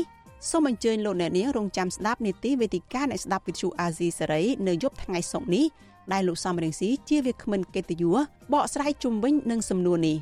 ចាកម្មវិធីនេះសម្របសម្រួលដោយលោកជុនច័ន្ទបតប្រសិនបើលោកអ្នកនាងចង់បញ្ចេញមតិយោបល់ឬសួរសំណួរមកវាគ្មិនរបស់យើងចាសសូមលោកអ្នកនាងដាក់លេខទូរស័ព្ទរបស់លោកអ្នកនាងនៅក្នុងខ្ទង់ comment នៃការផ្សាយផ្ទាល់របស់ Vithu Azizi Saray នៅលើបណ្ដាញសង្គម Facebook និង YouTube ចាស់ក្រុមការងាររបស់យើងនឹងហៅទៅលោកអ្នកនាងវិញ។ លោកអ្នកនាងប្រិយមិត្តអ្នកស្ដាប់ជាទីមេត្រីក្នុងពេលប្រជាពលរដ្ឋកំពុងមានវិបត្តិសេដ្ឋកិច្ចក្រមមន្ត្រីកម្ពុជាកម្ពុជាបែរជាកំពុងសម្ញែងការរៀបចំពិធីមង្គលការកូនចៅរបស់ពួកគេដោយចំណាយលុយរាប់សិបម៉ឺនដុល្លារក្រុមអ្នករិះគន់ព្រួយបារម្ភថាការចងសម្ព័ន្ធភាពគ្នាចាក់ស្រេះរវាងគ្រួសារអ្នកកាន់អំណាចនយោបាយនិងគ្រួសារអ្នកជំនួញដូចជាពិធីរៀបការរវាងកូនប្រុសរដ្ឋមន្ត្រីក្រសួងសេដ្ឋកិច្ចនិងហិរញ្ញវត្ថុលោកអូនពាន់មនីរត និងចៅស្រីរបស់អុកញ៉ាឡៅមេងខិនព្រមទាំងពិធីរៀបការចៅចំនួន3នាក់របស់អតីតរដ្ឋមន្ត្រីក្រសួងដែនដីលោកជាសភារាជាមួយគ្រួសារអ្នកជំនួញនិងគ្រួសារអ្នកកាន់អំណាចផ្សេងទៀតដែលនឹងនាំឲ្យមានទំនាស់ផលប្រយោជន៍ធ្ងន់ធ្ងរនៅក្នុងប្រទេសសូមស្ដាប់សេចក្តីរាយការណ៍របស់លោកថាថៃអំពីរឿងនេះដូចតទៅក្រុមគ្រួសារអិសរាជជននយោបាយរបស់គណៈបកកណ្ដាលអំណាច កំពុងអួតសម្ញែងទ្រព្យសម្បត្តិដាក់គ្នាតាមរយៈការរៀបចំពិធីមង្គលការកូនចៅចំនួនក្រោយរបស់ពួកគេជាមួយគ្រូសាមន្ត្រីកណ្ដាលអំណាចនយោបាយកម្ពុជាកម្ពុជាដូចគ្នានិងជាមួយគ្រូសាអ្នកជំនួញលំដាប់កម្ពុជាកម្ពុជាក្នុងប្រទេសនេះគឺជាការចងរឹតបន្តឹងសម្ព័ន្ធភាពរបស់ពួកគេកាន់តែរឹងមាំបន្ថែមទៀតដើម្បីផ្ដល់ផលប្រយោជន៍និងការពារគ្នាទៅវិញទៅមកពិធីមង្គលការកូនប្រុសរបស់រដ្ឋមន្ត្រីក្រសួងសេដ្ឋកិច្ចនិងហិរញ្ញវត្ថុលោកអូនពាន់មនីរតឈ្មោះអូនពាន់មនីរាជ និងកូនស្រីរបស់អង្គការឡាវវ៉ាន់រដ្ឋលេខាធិការក្រសួងសាធារណការនិងដឹកជញ្ជូនឈ្មោះឡាវជេជីនដែលត្រូវជាចៅស្រីរបស់អង្គការឡាវមេងខិននិងអ្នកស្រីជឹងសុភីបហៅយាយភូកំពុងលេចធ្លោនៅក្នុងបណ្ដាញសង្គមលោកឡាវវ៉ាន់បានបង្ហោះវីដេអូមង្គលការកូនរបស់លោកជាបន្តបន្ទាប់អមជាមួយសារបង្ហាញពីមោទនភាពដែលបានផ្សារសាច់ផ្សារឈាមជាមួយគ្រូសាលោកអូនពាន់មនីរតដែលជាមនុស្សមានឥទ្ធិពលធំបំផុតនៅក្បែរលោកហ៊ុនសែន ពិធីមង្គលការដែលជះលុយរាប់សិបម៉ឺនដុល្លារនេះរៀបចំរយៈពេល2ថ្ងៃពីថ្ងៃទី25ដល់ថ្ងៃទី26ខែវិច្ឆិកានៅក្នុងភូមិគ្រឹះដ៏ធំស្កឹមស្កៃនិងប្រណិតព្រមទាំងរៀបចំលម្អដោយផ្កាចម្រុះពណ៌ប្រៀបដូចជាឋានសួគ៌នៅលើដីក្រុមគ្រូសាលោកហ៊ុនសែនមន្ត្រីកម្ពុជាកម្ពុជាគ្រប់ក្រសួងស្ថាប័ននិងពួកអភិជនជាច្រើនរូបសុទ្ធតែមានវត្តមាននៅក្នុងពិធីមង្គលការនេះភរិយារបស់លោកហ៊ុនម៉ាណែតគឺអ្នកស្រីពេជ្រច័ន្ទមុនីគឺជាអ្នកដឹកដៃកូនក្រមុំដោយផ្ទាល់ អ្វីដែលកាន់តែចាប់អារម្មណ៍ទៀតនោះទាំងកូនកំលោះកូនក្រមុំនិងអ្នកចូលរួមសុទ្ធតែតុបតែងខ្លួនលម្អដោយគ្រឿងអលង្ការនិងសម្លៀកបំពាក់ដែលមានតម្លៃរាប់ម៉ឺនដុល្លារគ្រាន់តែនាឡិកាដៃរបស់កូនកំលោះត្រូវបានគេដឹងថាមានតម្លៃជាង100,000ដុល្លារក្រុមគ្រួសារទាំងសងខាងយើងខ្ញុំសូមគោរពជូនពរសម្ដេចអាយដាមអ្នកអង្គញាលោកទាវ លោកលោកស្រីយុគតិយុសដល់ដងឧត្តមគ្រប់រូបសំប្រកបនឹងសុខភាពល្អបរិបូរណ៍និងជោគជ័យក្នុងគ្រប់ភារកិច្ចសូមគោរពអរគុណ Thank you for the heart គណៈលោកអូនពាន់មនីរតកំពុងគ្រប់គ្រងក្រសួងសេដ្ឋកិច្ចនិងហិរញ្ញវត្ថុនេះភរិយារបស់លោកគឺអ្នកស្រីអឹមប៉ូលីកាគឺជាអ្នកជំនួញដ៏ជោគជ័យម្នាក់ពួកគេបានបញ្ជូនកូនប្រុសគឺលោកអូនពាន់មនីរាជមករស់នៅនិងរៀនសូត្រក្នុងប្រទេសអូស្ត្រាលីក្នុងជីវភាពដ៏ហ៊ឺហា កាលពីឆ្នាំ2014អ្នកស្រីអឹមប៉ូលីកាបានចំណាយលុយជាង2លានដុល្លារអូស្ត្រាលីស្មើនឹងប្រមាណ1លាន5សែនដុល្លារអាមេរិកទិញអាផាតមិនមួយកន្លែងនៅក្នុងតំបន់ One Central Park នៅទីក្រុងស៊ីដនីដើម្បីឲ្យលោកអូនពាន់មនីរាជស្នាក់នៅលើសពីនេះអ្នកស្រីក៏បង្កើតមុខចំនួនជាច្រើនស្ទើរគ្រប់វិស័យរាប់ចាប់តាំងពីភោជនីយដ្ឋានក្លឹបកំសាន្តកសិកម្មទេសចរចំណីអាហារនិងអាចចលនៈទ្រព្យជាដើម ហើយមុខចំនួនមួយចំនួនមានឈ្មោះលោកអូនពាន់មនីរាជអាយុ25ឆ្នាំជាអ្នកគ្រប់គ្រងទាំងនៅកម្ពុជានិងនៅអូស្ត្រាលីប៉ុណ្ណឹងហើយមិនទាន់គ្រប់គ្រាន់ទេលោកអូនពាន់មនីរតរួមទាំងប្រពន្ធនិងកូនរបស់លោកបានដឹកដៃគ្នាទៅទិញសេចក្ដីស៊ីបស្ងាត់ស្ងាត់ហើយត្រូវបានកាសែតអន្តរជាតិចុះផ្សាយល្បីសុសសាយម្ដងហើយកាលពីឆ្នាំ2019ពាក់ព័ន្ធនឹងបំណងរត់ចោលស្រុកសន្តិភាពនិងយកលុយមករក្សាទុកនៅក្រៅប្រទេសនៅពេលនេះលោកអូនពាន់មនីរតបានក្លាយជាដន្លងដងស្នែងជាមួយនឹងលោកឡាវវ៉ាន់ ដែលជាគ្រូសាមួយមានទាំងអំណាចនយោបាយនិងគ្រប់គ្រងសេដ្ឋកិច្ចខ្មែរមួយផ្នែកធំលោកអង្ញាឡាវ៉ាន់គឺជាប្រធានក្រុមការងារគណៈបកប្រជាជនកម្ពុជាប្រចាំតំបន់មែលប៊នប្រទេសអូស្ត្រាលីនិងជារដ្ឋលេខាធិការក្រសួងសាធារណការនិងដឹកជញ្ជូនប្រពន្ធរបស់លោកគឺអ្នកស្រីជឹងសគុណធាវីជាម្ចាស់ក្រុមហ៊ុន One Mall Limited ដែលមានបទសម្ព័ន្ធមួយគឺក្រុមហ៊ុន NVC Corporation ផលិតទឹកបរិសុទ្ធ Vital ក្រុមហ៊ុនផលិតមីជាតិភោជនីយដ្ឋាននិងសហគ្រាសឱសថនៅកម្ពុជា ឪពុកម្ដាយរបស់ពួកគេគឺប្រធានក្រុមប្រឹក្សាពិបាលក្រុមហ៊ុនភៀបពីមិចសមាជិកប្រតិសភាគណៈបកកណ្ដាលអំណាចលោកឡាវមីងខិននិងអ្នកស្រីជឹងសុភីបអនុប្រធានកាកបាទក្រហមកម្ពុជានិងជាដៃគូជំនួញរបស់អ្នកស្រីប៊ុនរ៉ានីដែលមានគេឈ្មោះអាស្រូវរឿងបំផ្លាញធនធានធម្មជាតិនិងបណ្ដេញអ្នកក្រយកដីដូចជានៅតំបន់បង្កក់ជាដើមលោកឡាវមេងខិននិងអ្នកស្រីជឹងសុភីបក៏បានចំណាយលុយទិញសញ្ជាតិស៊ីបដែរលោកឡាវ៉ាន់មិនត្រឹមតែពង្រីកឥទ្ធិពលនយោបាយឲ្យបកកណ្ដាលអំណាចនៅប្រទេសអូស្ត្រាលីប៉ុណ្ណោះទេ លោកនិងភរិយាក៏កំពុងពង្រីកមុខចំនួនដែរកាលពីឆ្នាំ2015អ្នកស្រីជឹងសុគន្ធធាវីបានទិញផ្ទះល្វែងប្រណិតឬ apartment នៅជាន់ទី24ក្នុងប្លុកអគារខ្ពស់ខ្ពស់ក្នុងតម្លៃ4លានដុល្លារអូស្ត្រាលីឬប្រហែលជិត3លានដុល្លារអាមេរិកបន្ទាប់មកប្តីប្រពន្ធមួយគូនេះបានបង្កើតអាជីវកម្មនៅប្រទេសអូស្ត្រាលីចំនួន2កន្លែងរួមមានហាងនំ Melbourne ដែលបានបើកដំណើរការតាំងពីខែធ្នូឆ្នាំ2019មកដោយមានកូនស្រីឈ្មោះឡាវជាជីនជាអ្នកគ្រប់គ្រង ការរៀបចំផ្សំផ្គុំនាងឡាវជាជីននិងលោកអូនពាន់មនីរាជនេះត្រូវបានគេមើលឃើញថាអំណាចនយោបាយនិងមុខជំនួញរបស់គ្រូសាលោកឡាវ៉ាន់និងគ្រូសាលោកអូនពាន់មនីរតនឹងកាន់តែរីកធំធាត់បន្ថែមទៀតដោយស្ដែងឲ្យឃើញមួយរយៈចុងក្រោយនេះក្រុមហ៊ុនគ្រូសាទាំងពីរនេះទទួលបានដីសម្បត្តិជាច្រើនកន្លែងពីរដ្ឋាភិបាលនៅក្នុងតំបន់ការពារបរិស្ថានដូចជានៅឧទ្យានជាតិព្រះសូរាមរិទ្ធឬហៅថាឧទ្យានជាតិគិរីរម្យមិនមែនតែពីត្រកូលនេះទេ ត្រកូលអ្នកជំនួយនិងត្រកូលអ្នកកាន់អំណាចផ្សេងទៀតក៏រត់រោគគ្នាដែរកាលពីថ្ងៃទី29វិច្ឆិកាអភិបាលរាជធានីភ្នំពេញលោកឃុងស្រេងបានរៀបចំពិធីមង្គលការកូនស្រីរបស់លោកឈ្មោះឃុងស៊ីណាម៉ាលីនជាមួយនឹងកូនប្រុសរបស់រដ្ឋមន្ត្រីក្រសួងបរិស្ថានលោកអៀងសុផាឡែតឈ្មោះអៀងនីតិភពដេនីសត្រូវជាចៅប្រុសរបស់លោកជាសុផារ៉ាមង្គលការនេះក៏ចំណាយលុយសន្ធឹកសន្ធាប់រៀបចំយ៉ាងល្អប្រណិតមិនចាញ់មង្គលការកូនចៅអ្នកធំផ្សេងទៀតឡើយកាលពីខែធ្នូឆ្នាំ2022 ចៅស្រីរបស់លោកជាសុផារ៉ាម្នាក់ទៀតនឹងត្រូវជាកូនស្រីរបស់លោកអៀងសុផាឡែតដែរនោះឈ្មោះអៀងនិតិជនីដឺណេបានរៀបការជាមួយនឹងកូនប្រុសរដ្ឋលេខាធិការក្រសួងសេដ្ឋកិច្ចនិងហិរញ្ញវត្ថុលោកប៉ែនសំអាតឈ្មោះប៉ែនសំអាតសុតចិត្តនៅមុននេះ5ខែលោកជាសុផារ៉ាក៏បានរៀបចំមង្គលការចៅស្រីរបស់លោកម្នាក់ទៀតជាមួយនឹងកូនប្រុសរបស់ថៅកែជីបម៉ុងដោយឡែកកាលពីខែមិថុនាឆ្នាំ2023អបនាយករដ្ឋមន្ត្រីនិងជាអតីតអគ្គស្នងការនគរបាលជាតិលោកណេតសាវឿន ក៏បានរៀបការកូនស្រីរបស់លោកជាមួយនឹងកូនប្រុសអតីតឯកអគ្គរដ្ឋទូតខ្មែរប្រចាំរដ្ឋធានី Washington លោកហែមហេងពិធីមង្គលការកូនចៅអ្នកធំទាំងនេះផ្ទុះការចាប់អារម្មណ៍ខ្លាំងនិងមានការជជែកវែកញែកជាច្រើនអំពីរបៀបរស់នៅរបស់ក្រុមអ្នកមានអំណាចនិងការចង់សម្ព័ន្ធភាពគ្នាចាក់ស្រេះនៅក្នុងប្រទេសមួយដែលប្រជាជនម្នាក់ម្នាក់រកចំណូលប្រចាំឆ្នាំបានក្រោម2000ដុល្លារអនុប្រធានគណៈបកភ្លឹងទៀនលោកសុនឆៃមានប្រសាសន៍ថា ការអួតសម្ញែងទ្រព្យសម្បត្តិតាមរយៈការរៀបចំមង្គលការកូនចៅរបស់ក្រុមអ្នកមានអំណាចនេះប្រសិនបើនៅប្រទេសដែលមានតុលាការនិងអង្គភាពប្រឆាំងអំពើពុករលួយឯករាជ្យនោះលោកជឿថានឹងមានការស៊ើបអង្កេតទៅលើប្រភពទ្រព្យសម្បត្តិរបស់ពួកគេលោកបន្ថែមថាបើទោះបីជាអ្នកមានលុយនិងអ្នកមានអំណាចខំចង់សម្ព័ន្ធដើម្បីការពារផលប្រយោជន៍គ្នាក្តីក៏មិនអាចធានាសុវត្ថិភាពរបស់ពួកគេបានយូរអង្វែងដែរប្រសិនបើការគ្រប់គ្រងប្រទេសមិនបានល្អត្រឹមត្រូវដែលនាំឲ្យប្រជាពលរដ្ឋរងទុក្ខវេទនានោះ ដូចខ្ញុំបានជម្រាបខាងដើមវារឿងផលប្រយោជន៍ហើយដល់គេមានទ្រព្យសម្បត្តិច្រើនឬក៏មានអំណាចទឹកមានអំណាចស្រាប់យើងស្វែងអំណាចក៏មានលុយកាក់ច្រើនដែរបាទអ្នករកស៊ីក៏ច្រើនអ្នកមានអំណាចក៏លុយច្រើនហើយកណ្ដាលគេមានទ្រព្យច្រើនច្រើនគេមិនអាចចង់ឲ្យកូនចៅគេទៅរៀបការជាមួយអ្នកក្រីក្រទេវិចារកូនចៅគេរៀបចំក្នុងគេ class ឬក៏កម្រិតនៃសង្គមរបស់គេដូច្នេះអានេះជារបៀបមួយដែលដែលកើតមានណា ក្នុងសង្គមថៃក៏មានដែរប៉ុន្តែដូចខ្ញុំបានជម្រាបហើយជម្រាបទៀតថាសិនណាជាយើងគ្រប់គ្រងត្រឹមត្រូវអំណាចមន្ត្រីមិនអាចពុករលួយបានដូចជានៅកូរ៉េខាងត្បូងជាដើមប្រហែលជាពួកអ្នកមានអ្នកមានមិនយកកូនរបស់ស្រីទៅរៀបការជាមួយមន្ត្រីរដ្ឋាភិបាលទេមកទល់នឹងពេលនេះការចងសម្ព័ន្ធមិត្តភាពរវាងកូនចៅចំនួនក្រោយរបស់អិសរាជជននយោបាយបកកណ្ដាលអំណាច និងក្រុមអ្នកជំនួញលំដាប់ជួរមុខនៅកម្ពុជាបានធ្វើឲ្យអំណាចនយោបាយនិងមុខជំនួញរបស់ក្រុមគ្រួសារពួកគេកាន់តែរីកធំធាត់គ្មានព្រំដែនអ្នកវិភាគនយោបាយលោកកឹមសុខយល់ឃើញថាទំនាក់ទំនងចាក់ស្រេះរវាងគ្រួសារអ្នកនយោបាយកាន់អំណាចនិងអ្នកជំនួញនេះនឹងធ្វើឲ្យប៉ះពាល់ផលប្រយោជន៍ជាតិនិងប្រជាពលរដ្ឋធ្ងន់ធ្ងរព្រោះមនុស្សមួយក្តាប់តូចនេះនឹងចាត់ចែងសេដ្ឋកិច្ចជាតិនិងការដឹកនាំប្រទេសសម្រាប់តែក្រុមគ្រួសារពួកគេ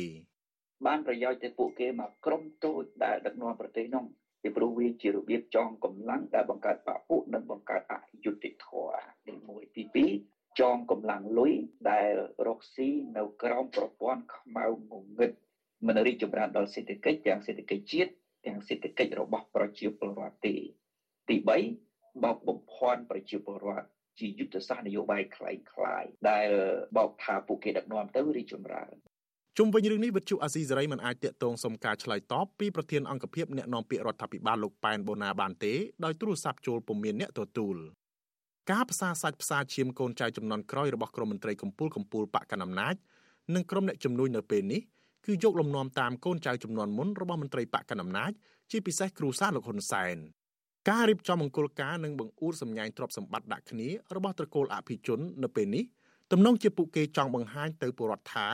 ការដឹកនាំប្រទេសរបស់ពួកគេរីកចម្រើន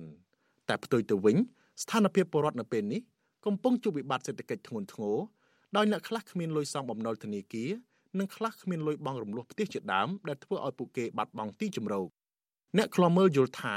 មានតែក្រុមមេដឹកនាំផ្ដាច់ការនឹងពុករលួយនៅក្នុងប្រទេសក្រីក្រប៉ុណ្ណោះ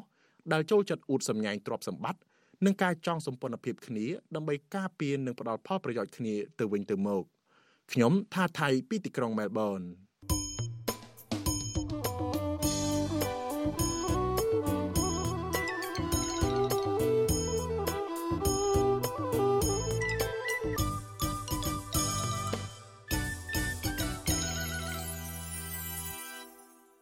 លោកអ្នកនាងប្រិយមិត្តអ្នកស្ដាប់ជាទីមេត្រីសេចក្តីរាយការណ៍ពីខេត្តស្វាយរៀងឯណោះឲ្យដឹងថាក្មេងៗនៅក្នុងសហគមន៍ដីធ្លីនៅក្នុងខេត្តស្វាយរៀងប្រមាណ80% បានបោះបង់ការសិក្សានៅត្រឹមថ្នាក់ទី9ដើម្បីជួយរកលុយដោះបំណុលនិងផ្គត់ផ្គង់ជីវភាពគ្រួសារមន្ត្រីសង្គមស៊ីវិលចាត់ទុកបញ្ហានេះថាជារឿងគ្រោះថ្នាក់ដល់សង្គមជាតិនៅថ្ងៃអនាគតប្រសិនបើរដ្ឋាភិបាលមិនមានដំណោះស្រាយដល់ពលរដ្ឋដែលកំពុងជំពាក់បំណុលធនាគារទេនោះចាលោកយ៉ងច័ន្ទដារារាយការណ៍អំពីរឿងនេះសហគមន៍សាមគ្គីរមាសហែកស្ថិតនៅក្នុងឃុំអំពិលនិងឃុំកគីក្នុងស្រុករមាសហែកខេត្តស្វាយរៀង ព្រួយបារម្ភពីអនាគតកុមារនៅក្នុងសហគមន៍ដែលបាននាំគ្នាឈប់រៀនជាបន្តបន្ទាប់ដើម្បីធ្វើការរកប្រាក់ជួយគ្រួសារដែលកំពុងជំពាក់បំណុលធនាគារសហគមន៍ឲ្យដឹងថាមានសិស្សសាលាប្រមាណ80%បានបង្ខំចិត្តបោះបង់ការសិក្សានៅត្រឹមថ្នាក់ទី9ព្រោះគ្រួសាររបស់ពួកគេជំពាក់បំណុលកាន់តែច្រើនខណៈជីវភាពគ្រួសារក៏កំពុងជួបទុក្ខលំបាកខ្លាំងតំណាងសហគមន៍សាមគ្គីរមាសហែកលោកស្រីខៀវសារុនប្រាប់វិទ្យុអាស៊ីសេរីថា ប្រជាពលរដ្ឋនៅក្នុងសហគមន៍ជាង400គ្រួសារនៅក្នុងនោះ95%ហើយដែលជាប់ជំពាក់បំណុលធនាគារនិងឯកជនលោកស្រីថាកត្តាទាំងអស់នេះបានរុញច្រានឲ្យក្មេងៗនៅក្នុងសហគមន៍នាំគ្នាឈប់រៀនដើម្បីស្វែងរកការងារធ្វើជួយដោះបំណុលគ្រួសារតែជាកតុង70 80%គ្រូវត្តជាទូទៅក្មេងរៀនចប់ទៅត្រឹមថ្ងៃទី9ទេគ្រូ អត់អាចបន្តទៅទៀតបានទេភាគច្រើនគឺគាត់បោះបង់ចោលនៅពេលហ្នឹងហ្មងការបោះបង់នៅតែមានគ្រូនិយាយទៅឲ្យតែកូននឹងធំបាក់គ្រូសាគាត់ដែលគាត់ខ្សោយហើយគាត់ស្ពកបំណុលនៅពេលដែលកូនធំនិយាយទៅឲ្យតែកូនធំគាត់ដល់គិតពីអាយុថាកូនប៉ុណ្ណាប៉ុណ្ណាអាយុប៉ុណ្ណាទេ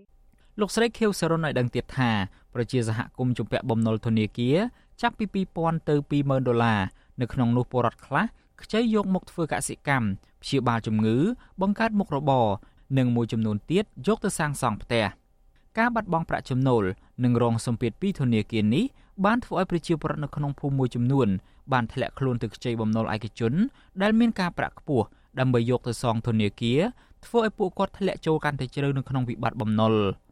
សមាជិកសហគមន៍សាមគ្គីរមាសហែកលោកស្រីយឹមសារ៉ានឲ្យដឹងថាកូនរបស់លោកស្រីចំនួន2នាក់ ត្រូវបង្ខំចិត្តឈប់រៀននៅត្រឹមថ្នាក់ទី9ដោយសារតែលោកស្រីមិនអាចរកប្រាក់បានគ្រប់គ្រាន់ដើម្បីផ្គត់ផ្គង់ឲ្យកូនរៀនបន្តនិងម្យ៉ាងទៀតពួកគាត់ចង់ជួយរកប្រាក់ដើម្បីដោះស្រាយបំណុលកំពុងមាននៅក្នុងគ្រួសារសប្តាហ៍ថ្ងៃនេះលោកស្រីបន្ថែមថាបច្ចុប្បន្នកូនរបស់លោកស្រីទាំងពីរនាក់កំពុងធ្វើការងាររោងចក្រមួយកន្លែងនៅក្នុងក្រុងបាវិតយូជួបច្រើនពូដល់ពេលអត់មានទាំងដីអត់មានទាំងអីជាប្រាក់ទេក៏ជាប្រាក់ កូនរៀនមិនចាប់ទេឈប់អស់តម្លើងអាយុទៅធ្វើការរោងចក្រអស់ព្រោះយើងខ្វះខាតច្រើនយើងឲ្យលុយឲ្យកូនរៀនយើងគ្មានលទ្ធភាពឲ្យវារៀនហើយយើងមានតែឲ្យវាឈប់តម្លើងប្រាក់ខែដែលតម្លើងអាយុកូនរកលុយមកជិះដោះមកទៅយើងជាប្រាក់ពីច្រើនដែរតើតិនទៅនឹងបញ្ហាបំណុលធនាគារនេះដែរប្រជាពលរដ្ឋខ្មែរដែលកំពុងធ្វើការនៅប្រទេសថៃនិងសកម្មជននយោបាយមួយចំនួនដែលកំពុងភៀសខ្លួននៅទីនោះបានប្រមូលផ្ដុំគ្នាសម្ដែងមតិ និងបង្ហោះសារលើបណ្ដាញសង្គមទាមទារឲ្យរដ្ឋាភិបាលកម្ពុជា ជួយអន្តរាគមន៍ទៅធនាគារឬគ្រឹះស្ថានមីក្រូហិរញ្ញវត្ថុឲ្យជួយពន្យាពេលសងប្រាក់ត្រឡប់ទៅវិញក្នុងរយៈពេល1ឆ្នាំដោយសារតែពលរដ្ឋមិនអាចរកប្រាក់បានគ្រប់គ្រាន់សងធនាគារប្រជាសហគមន៍សាមគ្គីរមាសហែកបានធ្លាក់ខ្លួនចំពាក់បំណុលធនាគារកាន់តែច្រើនឡើងទើបធ្វើឲ្យពួកគាត់នាំគ្នាកាត់បន្ថយម្ហូបអាហារប្រចាំថ្ងៃដើម្បីសន្សំប្រាក់ទាំងនោះ ទុកសងទៅធនាគារវិញបើទោះបីជាពួកគាត់ប្រឈមមុខនឹងការមានជំងឺយ៉ាងណាក្តីតកតងទៅនឹងរឿងក្មេងៗបោះបង់ចោលការសិក្សានេះវិទ្យុអាស៊ីសេរីមិនអាចតាក់ទងអភិបាលខេត្តស្វាយរៀងលោកពេញពោសានិងអ្នកនាំពាក្យក្រសួងអប់រំយុវជននិងកីឡាអ្នកស្រីខួនវិជ្ជការដើម្បីសុំការបកស្រាយអំពីរឿងនេះបានទេ នៅថ្ងៃទី30ខែវិច្ឆិកាតាក់ទងទៅនឹងរឿងនេះប្រធានសមាគមគ្រូបង្រៀនកម្ពុជាឯករាជ្យអ្នកស្រីអុកឆាយាវីមានប្រសាសន៍ថា បញ្ហាសិស្សបោះបង់ការសិក្សានេះមិនមែនមានតែសហគមន៍សាមគ្គីរមាសហែកនោះទេពលគឺកំពុងកើតមានច្រើននៅទូទាំងប្រទេសអ្នកស្រីបន្ថែមថាបញ្ហាចម្បងគឺបំណុលនៅក្នុងគ្រួសារមានការកើនឡើងធ្វើឲ្យសិស្សានុសិស្សបង្ខំចិត្តឈប់រៀននិងធ្វើឲ្យសង្គមជួបបញ្ហាប្រព័ន្ធអប់រំនិងមិនអាចឲ្យសង្គមមួយនេះរីកចម្រើនបានឡើយបើទោះបីជារដ្ឋាភិបាលមានគោលនយោបាយយ៉ាងណាក្តីប្រសិនបើមិនមានដំណោះស្រាយវិបត្តិសេដ្ឋកិច្ចឲ្យល្អប្រសើរទេនោះ ជាធម្មតាប្រទេសមួយដែលមានការអប់រំរីកចម្រើន អ្នកចេះដឹងឡើងខ្ពស់ប្រទេសហ្នឹងគឺប្រទេសដែលអភិវឌ្ឍហើយប្រទេសជឿនលឿនហើយប៉ុន្តែប្រទេសមួយដែលមានអត្រាបោះបង់ការសិក្សា អ្នកចេះដឹងអត់មានបានន័យថា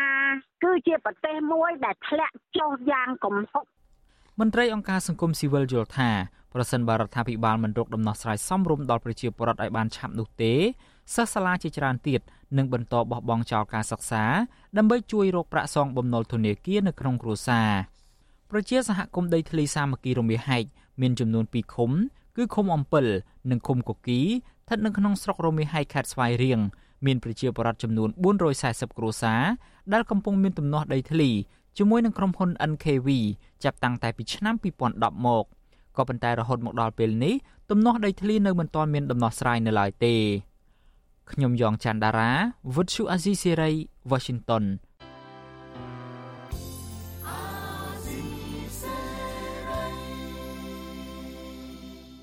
លោកអ្នកនាងកញ្ញាជាទីមេត្រីចាសសេចក្តីរាយការណ៍ពីទឹកដីខ្មែរក្រោមឯណោះឲ្យដឹងថាពលរដ្ឋខ្មែរក្រោមមួយចំនួននាំគ្នាលើក និងដាក់ទង់ជាតិខ្មែរក្រោមនៅតាមផ្ទះបើទោះបីជាអាញាធរវៀតណាម ចុះដកហូតទង់ជាតិនិងគម្រាមកំហែងពួកគាត់ក្តីពួកគាត់ថាការលើកនិងដាក់តាំងទង់ជាតិគឺដើម្បីរក្សាអត្តសញ្ញាណជនជាតិដើមខ្មែរក្រោមស្របតាមគោលការណ៍ច្បាប់សិទ្ធិមនុស្សអន្តរជាតិចាអ្នកស្រីស្ងួនអមរារាយការណ៍អំពីរឿងនេះកម្មកររោងចក្រនៅខេត្តទួលតាមុកនិងជាសកម្មជនខ្មែរក្រោមលោកថាត់ងាប្រាប់វិទ្យុអេស៊ីសរ៉ៃថាលោកនឹងពលរដ្ឋខ្មែរក្រោមប្រមាណ30គ្រួសារផ្សេងទៀតក៏បានលើកទង់ជាតិខ្មែរក្រោមដូចគ្នាដែរ ទោះបីយ៉ាងណាពលរដ្ឋខ្មែរក្រោមដែលហ៊ានលើកទង់ជាតិខ្មែរក្រោមនៅតាមផ្ទះនៅមានចំនួនតិចតួចនៅឡើយដោយសារតែអាញាធរវៀតណាមតែងតែគំរាមកំហែងប្រើអំពើហិង្សានិងចាប់ខ្លួនទៅប៉ុស្តិ៍នគរបាលអញ្ចឹងទេខ្ញុំបាទលើកទេក៏ តែងតែមានអាណាកមកធ្វើអុកក្លុកជាឲ្យយឺតមានផេនទីមានផ្លាកផេនទីនិងតុងជាតិខ្មែរក្រមយើងព្រមទាំងមានតុងខ្មែរក្រមខ្ញុំដេដោយប្រទេសដោយដៃបថលហើយក៏អញ្ញាធរយួនក៏បានអូសរូបយកទុកអស់ហើយខ្ញុំបាទក៏បានត្រូវរងតនកម្មក៏ដូចជាវ័យតាក់ដំនិងការគម្រាមកំហែងជាដើមបាទ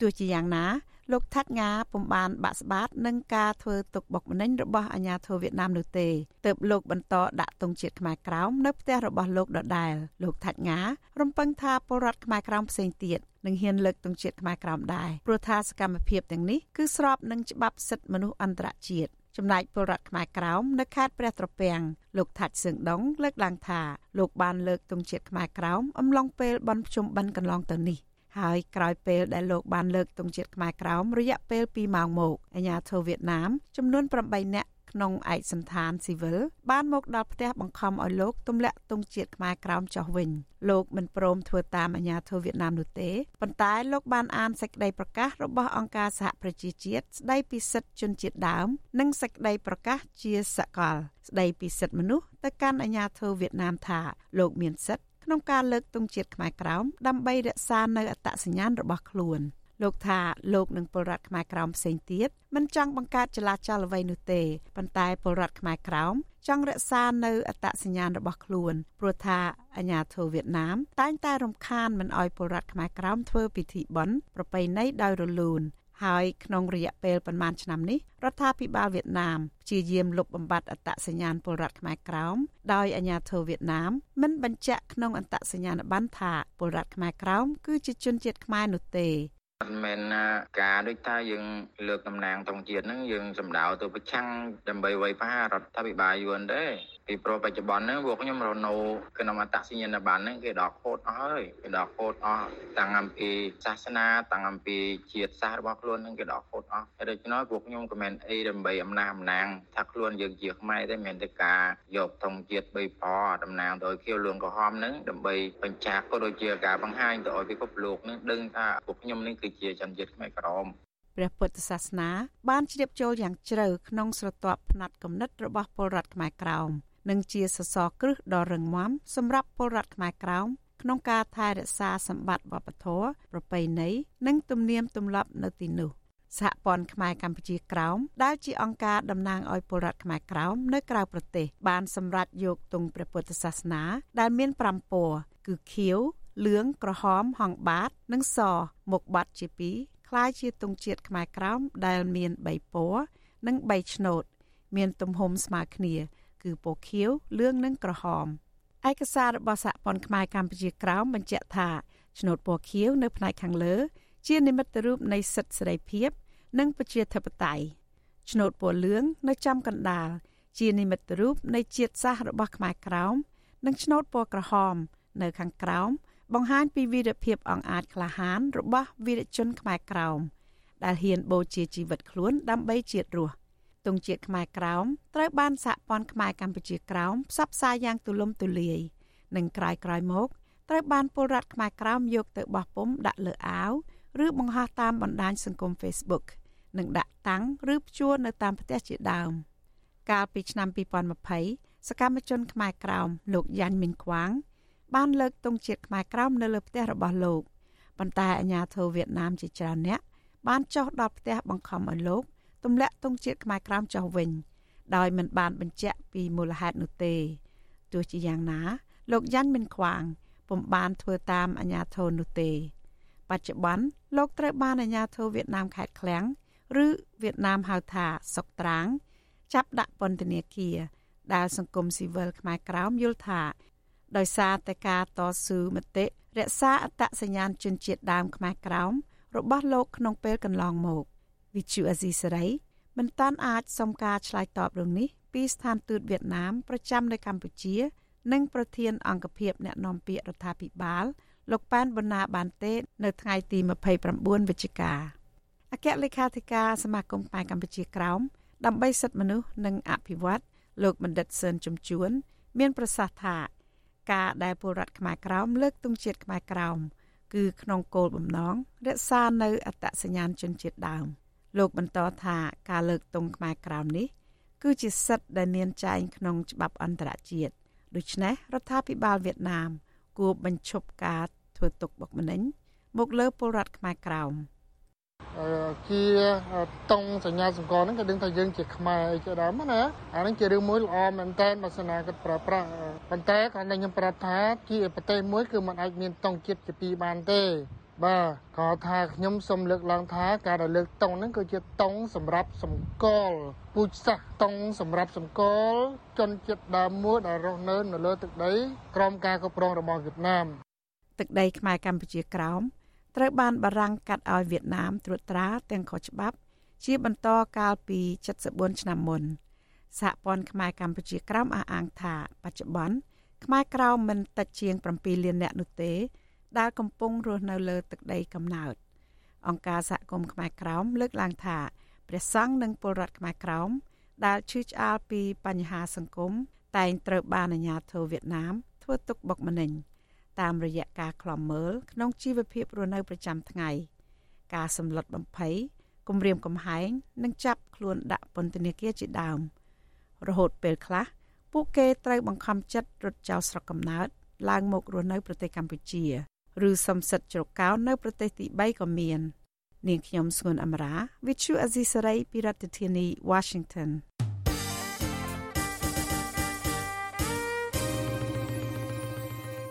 លោកអ្នកនាងកញ្ញាប្រិមិត្តអ្នកស្ដាប់ជាទីមេត្រីការផ្សាយរយៈពេល1ម៉ោងរបស់វិទ្យុអាស៊ីសេរីជាភាសាខ្មែរនៅព្រឹកនេះយើងខ្ញុំសូមជូនពរដល់លោកអ្នកនាងកញ្ញានិងក្រុមគ្រួសារទាំងអស់សូមប្រកបតែនឹងសេចក្តីសុខសុភមង្គលនិងសុខភាពល្អកុំបីឃ្លៀងឃ្លាតឡើយ នាងខ្ញុំសុជីវីព្រមទាំងក្រុមការងារទាំងអស់របស់វិទ្យុអាស៊ីសេរីចាសសូមអរគុណនិងសូមជម្រាបលា